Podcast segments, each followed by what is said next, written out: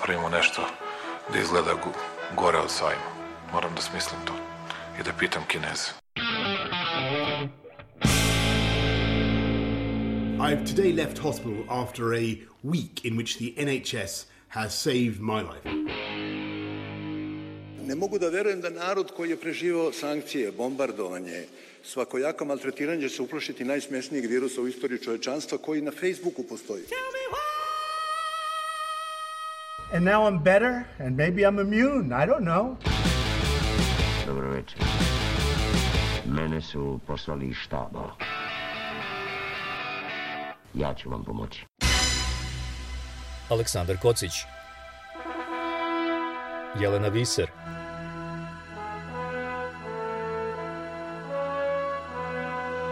Radio Karantin Hronika istorije u nastajanju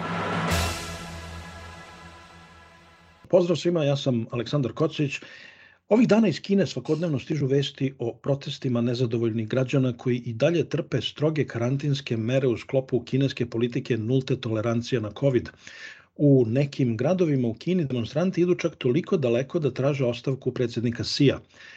Svesna tenzija, kineska vlada sada polako ublažava mere i vraća život u kakvu takvu normalu. I to sve posle skoro tri godine od izbijanja pandemije u vreme kada je ostatak sveta nekako prihvatio život sa covidom. Da li su zaista političari bili u pravu kada su krenuli da nam govore da sa covidom moramo da živimo? Ili su nas političari tom pričom da sa covidom mora da se živi uspešno obmanuli i probali da nam zamažu oči pa da ne vidimo njihove ogromne propuste tokom pandemije. Ja sam Jelena Fisser, a u pokušaju da zaokružimo ovu sagu o covidu i o životu u pandemiji, naša današnja gošća je dr. Slavica Plavšić, specijalista za plućne bolesti i članica Saveta organizacije Ujedinjeni protiv COVID-a.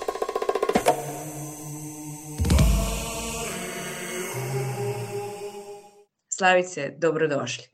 Kakav razvoj događaja u vezi sa pandemijom očekujete u 2023. godini?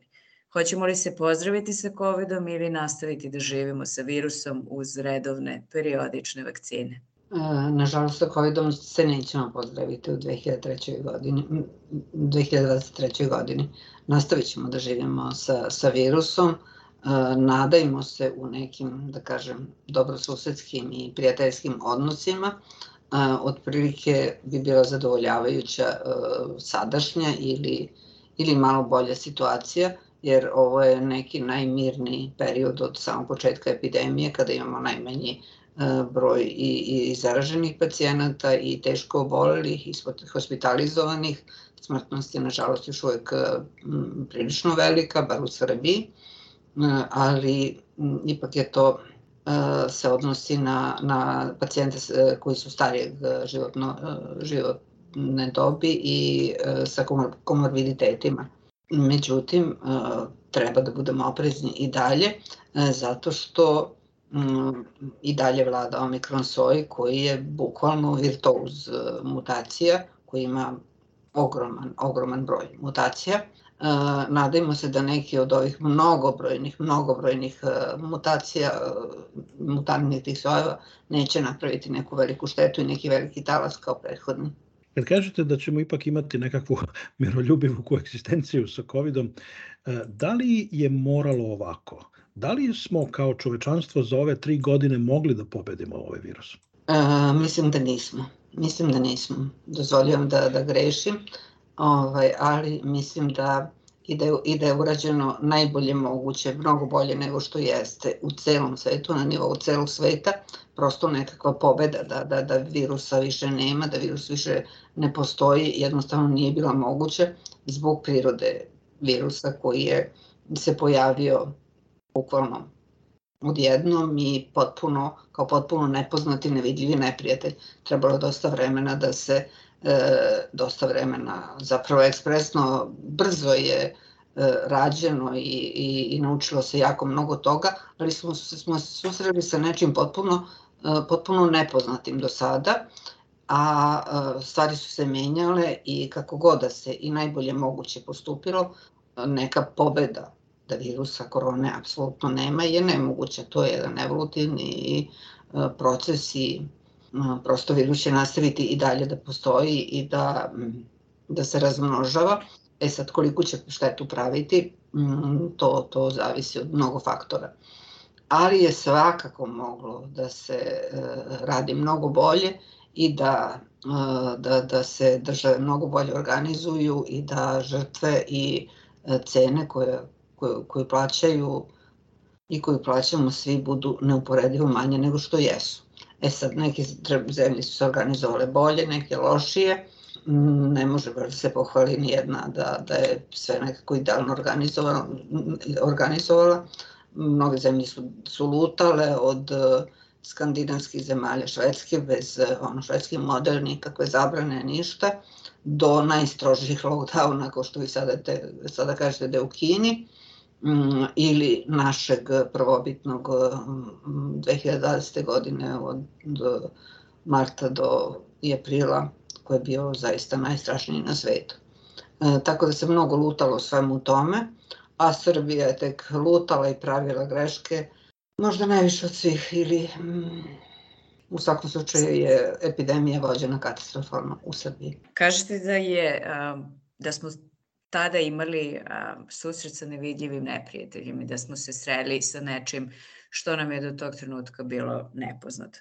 Da li se sećate svoje prve reakcije na vesti o pojavi virusa u Kini? Da, da, sećam se odlično. Pa ja imam dugogodišnje iskustvo, više decenijsko, znači sa najtežim pulmonološkim bolestima, sa mnogo epidemija, sa, tako da, da sam nekako, nekako znala da nas čeka jako velika opasnost. E, znači, naravno, niko nije slutio da će biti takvih razmera i sa toliko, toliko žrtava u celom svetu, ali da će biti mnogo, mnogo opasnije i, i možda najopasnije do, do sada, što je zadesilo čovečanstvo u zadnjem veku. To mi je stvarno bilo jasno još u još početkom februara, što se može videti iz mojih tih tweetova koje sam napisala tada i kada sam onako prvi put žestoko napadnuta šta ja sad to umišljam za Boga i ko sam. Kada ste shvatili da zaista đavo kuca na vrata? Mm, to je bilo potpuno jasno i, i, i zastrašujuće i, i katastrofalno.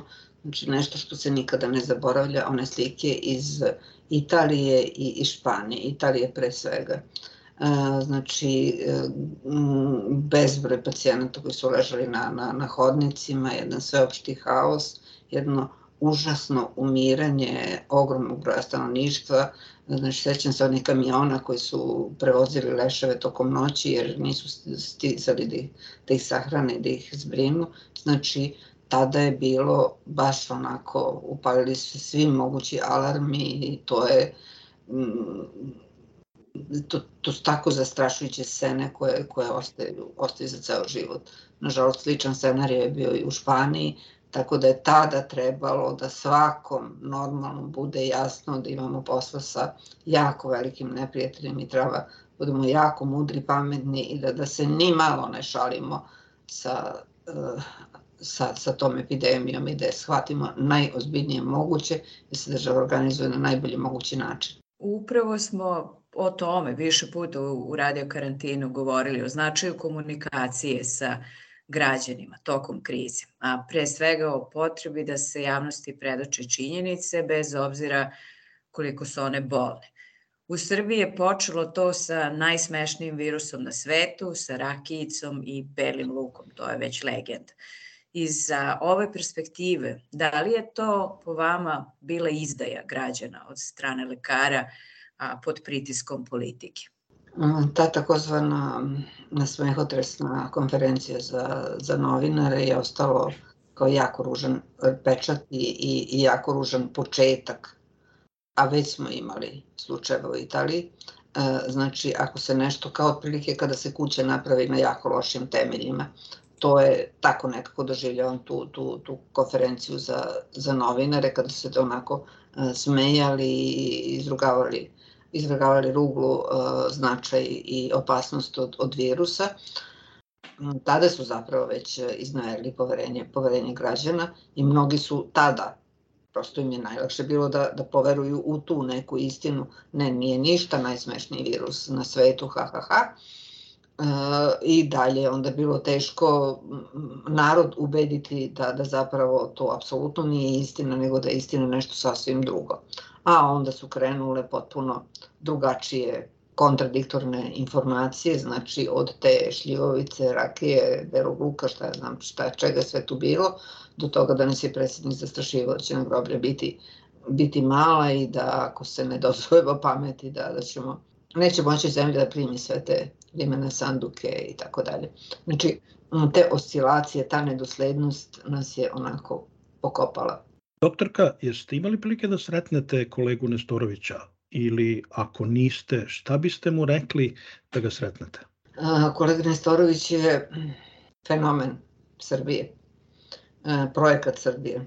A, zapravo m, jedan izuzetno lucidan, inteligentan, pametan, obrazovan čovek, lekar, pulmolog, koji je nekada uživao veliko poverenje i građana i e, dece i roditelja e, i koji je bio vrlo omiljeni pulmolog, ali je u stručnim krugovima tako važio za malo ekscentrika. Ali je držao svoje ponašanje pod kontrolom i u nekim dozvoljenim granicama.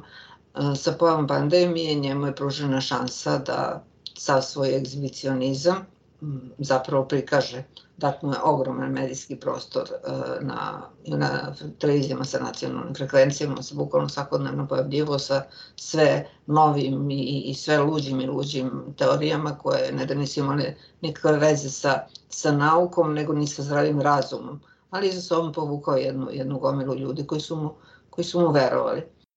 Umeđu vremenu je srećom isključen ili već ne znam kako uh, otišao iz kriznog štaba pa nije imao neki zvaničan uticaj, ali je nastavio sa svojim delovanjem na druge načine.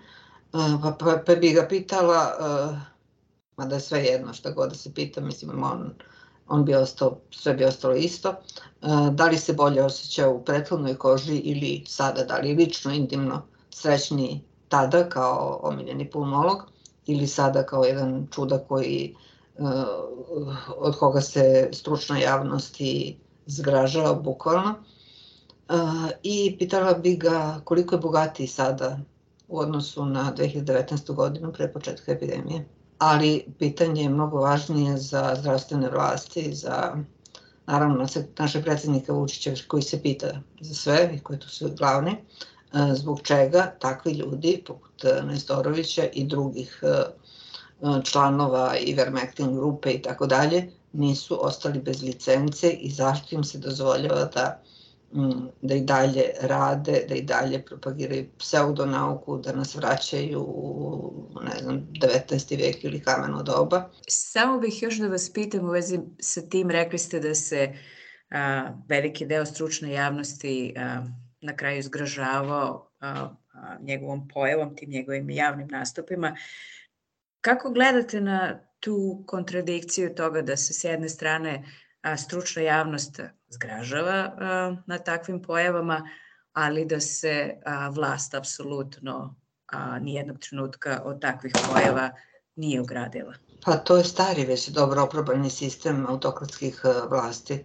Zavadi pa vlada i napravi što veći haos među stanovništvom. Sludi narod što više, podeli ih međusobno i, i tako ćeš vladati ko zna koliko dugo. Vlast to čini svesno i namerno, zato što e, sa sluđenim i uplašenim građanima se mnogo lakše vlada nego kada su ljudi e, razmišljaju hladne glave, kada znaju istinu, kada su obavešteni, informisani i kada e, čuju istinite informacije, kakve god bile, kada se zna istina. Ovako, dobijaju se informacije sa najrazličitih mogućih strana svi, svi mogući mediji su otvoreni i naravno da su, da su prijemčivi oni koji su, koji su negativni, koji su nenaučni, pseudonaučni, a m, postoje i te neke plaćene grupe koje su zapravo tu da, da bi izazvale taj sveopšti haos i sveopšte sluđivanje naroda. Tako da je to orkestrirano, to je, to je organizovano, znači nije se to desilo spontano. Uprkos tom a, famoznom lošem startu, a famozni krizni štab a, na početku je imao puno poverenje građana i onda je to poverenje skoro sasvim izgubio. Da li se vi slažete s tim? Da, u početku smo verovali tom kriznom štabu i ono, 15 časova u početku kada je bila konferencija za, za novinare, znači bukvalno svi, svi smo bili pored televizora onako prikovani i čekali šta će, šta će se reći i kakva nas sudbina čeka i tako dalje. I zaista je u početku vladalo, vladalo poverenje, odnosno mislili smo da, da oni znaju da su upućeni da, da nas vode pravim putem. Međutim, to poverenje je trajalo ne znam, nekih meseci i po dana i vrlo brzo su oni počeli da, da, da, da izleću i da funkcionišu kao jedan raštimovani orkestar, što je puklo pred, pred izbore, kada su naprasno posle svega, posle tih oscilatornih izjava, da nije ništa, pa da je užasno strašno i najstrašnije na svetu, odjednom proglasili pobedu nad koronom. Srbija je proglasila pobedu nad koronom prvi put pred izbore, znači negde u maju 2020. godine i odjednom je sve bilo, znači posle onih strašnih lockdowna, posle onog zatvaranja od 48, 24 pa 48, pa čak 84 sata ono, za, za uskrs, kada niko živ nije smeo da izađe iz kuće, onda odjednom, za Boga, Srbija pobedila koronu. Tako da im je tada m, definitivno m, pukao potpuno ugled, shvatili smo da su tu političari pobedili, da, da se lekari ne, ne samo da se ništa ne pitaju, nego da, su se, da se slažu, da se ne bune, da su govorili suprotno. Uh, i mislim njihovo poverenje prema kriznom štabu apsolutno srušeno, posle toga se više nisu ni pojavljivali svakodnevno, nego, nego samo povremenom, pa onda najave bit će sastanak kriznog štaba za tri dana, pa će biti za pet dana, pa se očekuje svakodnevno, pa su onda je to da se sastajali, ne znam, jednomesečno i, i sve, sve ređe i ređe, onda su istupali pojedinačno, njihova međusobna komunikacija je bila jako loša ili nikakva, svako je dao svoje izjave, tako da im više niko nije verovao, apsolutno. Posle ove tri godine, kako mislite da se srpsko zdravstvo borilo sa virusom? Šta su svetle tačke?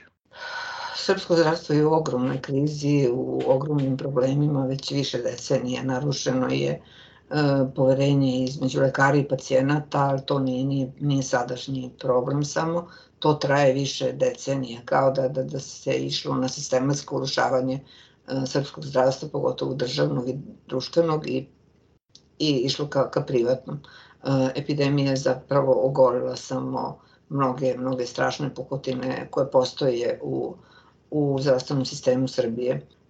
Koje su, koje su svetle tačke, kao i uvek podvizi, bukvalno podvizi lekara, entuzijasta koji su danonoćno, neumorno radili e, i u crvenim zonama i borili se m, protiv najtežih oblika e, COVID-a.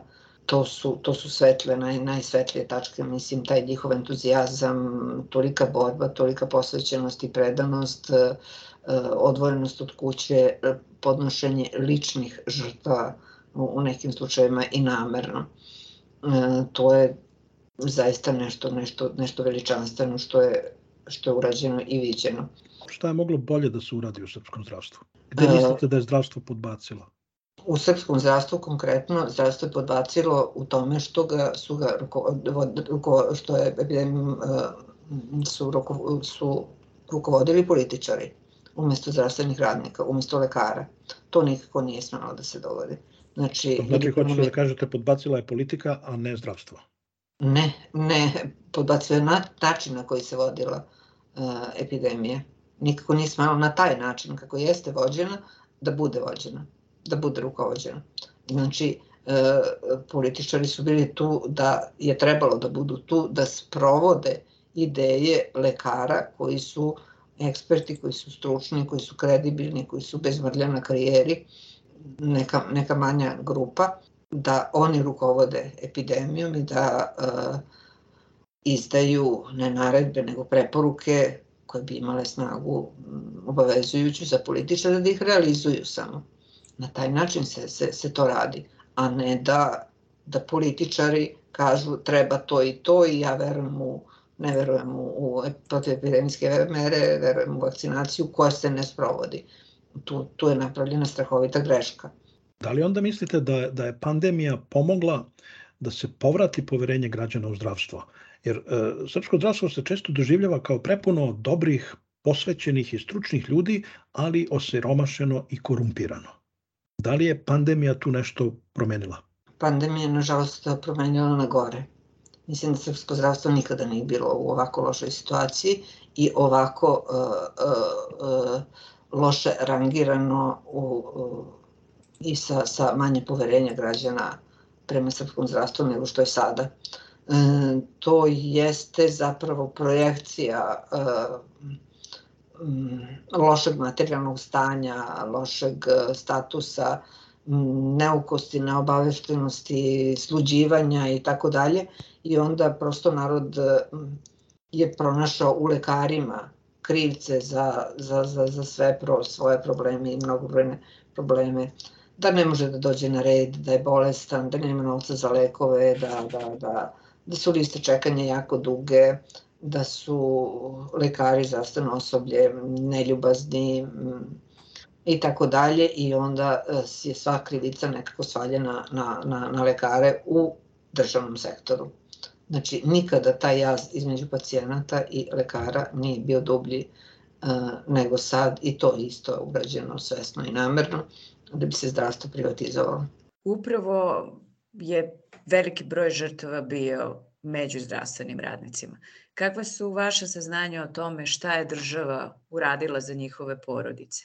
Ideja je bila da lekarska komora samo jedan procenat svojih ekstremno velikih prihoda koje dobija od članarine lekara izdvoji za e, e, formiranje fonda za stipendiranje dece preminulih e, lekara od posljedica COVID-19. Znači, borili smo se za to na sve moguće načine da, da dopremu do, do svesti i lekarske komore i zdravstvenih vlasti. Znači, nismo tražili nikakav dodatni novac, ništa, samo da se jedan procenat odvoji od tih 2 miliona evra koje prizvanično prihoduje e, lekarska komora od članarina e, licenciranih lekara i da se preusmeri taj novac za stipendiranje e, dece, maloletne dece preminulih zdravstvenih radnika kako bi imali što bezbrižnije detinjstvo i, i lakše školovanje do završetka njihovog, njihovog redovnog školovanja. Nažalost, u tome nismo uspeli jer eh, nas je Lekarska komora potpuno ignorisala, odbijala sve sastanke sa nama, pravdajući se epidemijom i, i tako.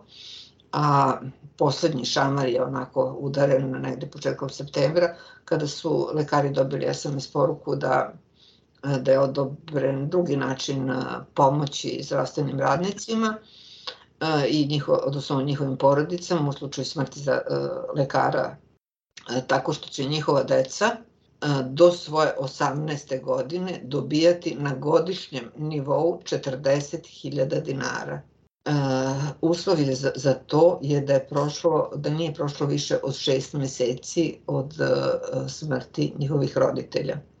Znači, oni su doneli takvu jednu ponižavajuću, uh, uvredljivu, uh, nehumanu odluku onda kada su uh, srećom lekari prestali da, da, da umiru i kada više niko nije imao pravo ni na tu bednu pomoć koja, znači 40.000 dinara godišnje, to je na mesečnom nivou oko 3.000 dinara. Mislim, šta to znači jednom, jednom detetu? Pritom na to niko nije imao pravo jer su svi lekari preminuli pre toga. Vi ste član alternativnog kriznog štaba, odnosno ono, organizacije Ujedinjeni protiv covid koju mnogi građani smatraju alternativnim kriznim štabom. I takve organizacije, ekspertske grupe postoje i u drugim zemljama. E, sad kad smo, eto, bar se ono, saživeli sa Covidom, kakva je perspektiva, kakva je budućnost e, alternativnih ekspertskih grupa ovog tipa?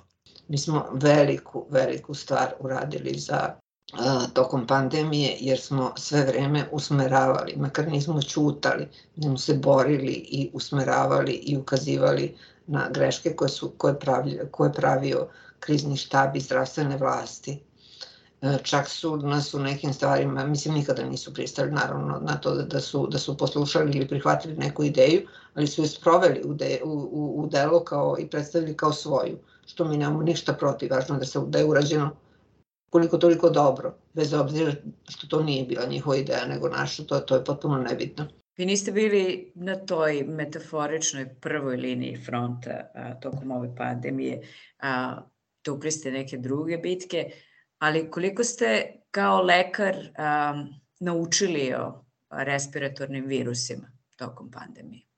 Mnogo, ali zaista jako mnogo. E, znači ja sam za, za ove tri godine pročitala više literature, prevela više tekstova, ispratila mm, stranu, stranu štampu, strane medije, strane publikacije e, i domaće naravno kojih je bilo mm, jako malo, e, nego za sve godine studiranja i pa i rada, mogu da kažem, jer tokom rada se baš nema mnogo vremena a, ovaj, za, za neko bavljenje nauk, nauko, tako da sam ja besomučno čitala i pratila stvarno sve što se, što se događa dan, mislim svakodnevno, ali svakodnevno.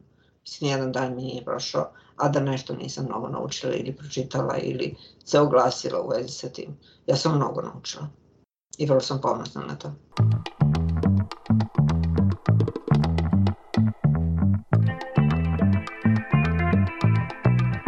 Radio karantin. Podcast Radio Karantin počeo je sa emitovanjem par meseci nakon izbijanja pandemije. I tada i sada naša namera bila je da sebi i vama koji nas slušate i čitate pokušamo da objasnimo šta nam se događa i da zabeležimo ovu istoriju u nastajanju. Trudili smo se da pokrijemo ovu istorijsku priču iz svih mogućih uglova i čini nam se da smo do kraja, da smo se i mi nekako saživeli sa tim prokletim covidom, vakcinisali se ko jednom, ko četiri puta, preležali ko isto tako ko jednom, ko više puta i navikli se na njega, majka mu stara. I sad idemo dalje. Da, ovo je poslednji radio karantin posvećen pandemiji. Evo, ja sam se simbolično za ovu poslednju epizodu prehladila. Nije COVID, ne brinite. Um, ipak nećemo da se pozdravljamo, jer mi nastavljamo sa radom, ali od idućeg meseca okrećemo lampu na drugu temu – migracije. Zašto ljudi odlaze iz svoje zemlje, gde idu, kako se prilagođavaju životu u novoj sredini, šta im pada teško, šta lako, šta im najviše nedostaje iz te rodne zemlje. Da li odlaskom gradimo novi identitet? Da li onda više ili manje volimo svoju zemlju iz koje smo otišli? Ko su ljudi koji odlaze? Da li je istina da su balkanske zemlje pogođene izvozom mozgova, šta su cirkularne migracije, da li smo na Balkanu spremni da prihvatimo migrante koji su se tu zatekli u pokušaju da se domognu zapada ili neke nove, bolje domovine. To su samo neka od pitanja na koje ćemo tražiti uh, odgovore uh, u 2023. Ima ih mnogo više. Uh, Slavice, da li vas kao lekara brine odliv lekarskih kadrova iz Srbije o kojem se puno priča? Da, da, E, brine me i to i o tome treba jako voditi računa, a ne vodi se računa. E, godišnje preko hiljada lekara napusti Srbiju zbog loših uslova rada, minimalnih primanja i, i, i lošeg položaja, nemogućnosti napredovanja i tako dalje. To je, to je zaista veliki problem i, i, i velika rana našeg zdravstva, to sam propustila da kažem, uh, i treba to imati u vidu. Dok uh, se sve zemlje um, trude da, da, da zadrže zdravstvene radnike, da, da sačuvaju čak i penzionere, vraćaju ih iz penzije, tipa uh, Francuske, Hrvatske i tako dalje. Naša ministarka već prebrojava stare ljude koji su za E, za penziju ne dozvoljava da rade, da bi na, se navodno primili ti mladi, a mladi se primaju na određeno, na određeno vreme, mesec po mesec dana i ne mogu naravno da počnu da rade jer za, e, za školovanje jednog stručnjaka visokog nivoa, subspecialističkog nivoa je potrebno čitavih 15 godina. To je, to je ogroman problem. Doktor Kaplavšić, hvala vam puno što ste bili gost radio karantina. Stigli smo dakle do kraja radio karantina. Hvala svim našim gostima tokom ove dve i po godine koliko postojimo, a posebno hvala svim našim slušalcima, čitaocima i svima koji ste nam pružili podršku. Slušajte nas ponovo i od sledeće godine. Čujemo se. Pozdrav iz Glazgova od mene. Ja sam Aleksandar Kocić. Veliki pozdrav iz Utrehta. Ja sam Jelena Fiser. Aleksandar Kocić Jelena Viser